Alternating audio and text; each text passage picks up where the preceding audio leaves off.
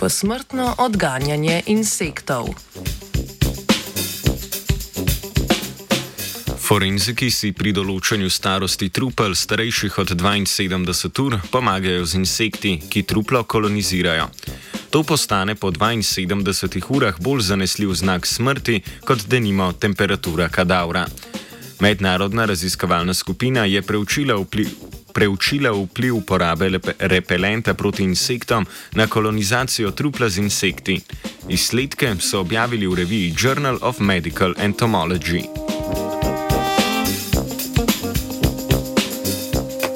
Na naselitev trupla z žuželkami vplivajo temperatura okolja, lokacija in velikost trupla, prisotnost drog, zdravil in strupov.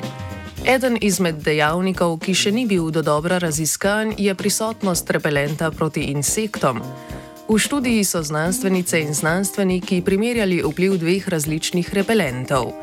Uporabili so izvleček limoninega eukaliptusa, ki odganja mrčes in ima fungicidne učinke. Drugi repelent je bil DIT, pogosto uporabljen insekticid. Na živalske ostanke so ga nanesli v 40-odstotni in 98-odstotni koncentraciji.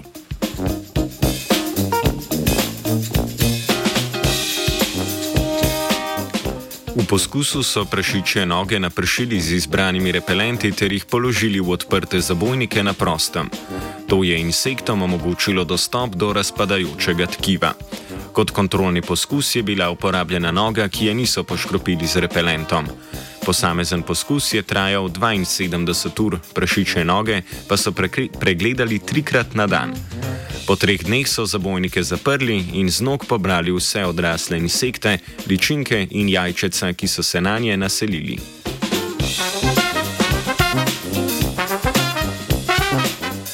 Pobrane insekte so na podlagi morfoloških lastnosti s pomočjo določevalnih ključev določili do družine. Med družinami so primerjali številnost ter stopnjo razvoja jajčec, ličink in odraslih osebkov, ki so se razvili na posamezni prašiči nogi.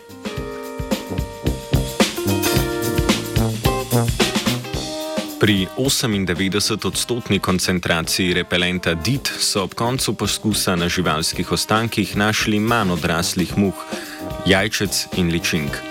Pri 40-odstotni koncentraciji DIT-a in repelentu iz limoninega eukaliptusa se število žuželk ob koncu poskusa ni bistveno razlikovalo od kontrolnega poskusa.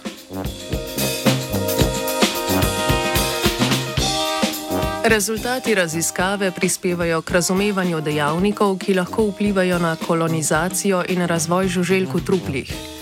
Iz rezultatov poskusa so ugotovili, da pri določanju časovnega intervala, ki je pretekel od smrti posameznika, ni treba dodatno upoštevati predhodnega nanosa repelentov.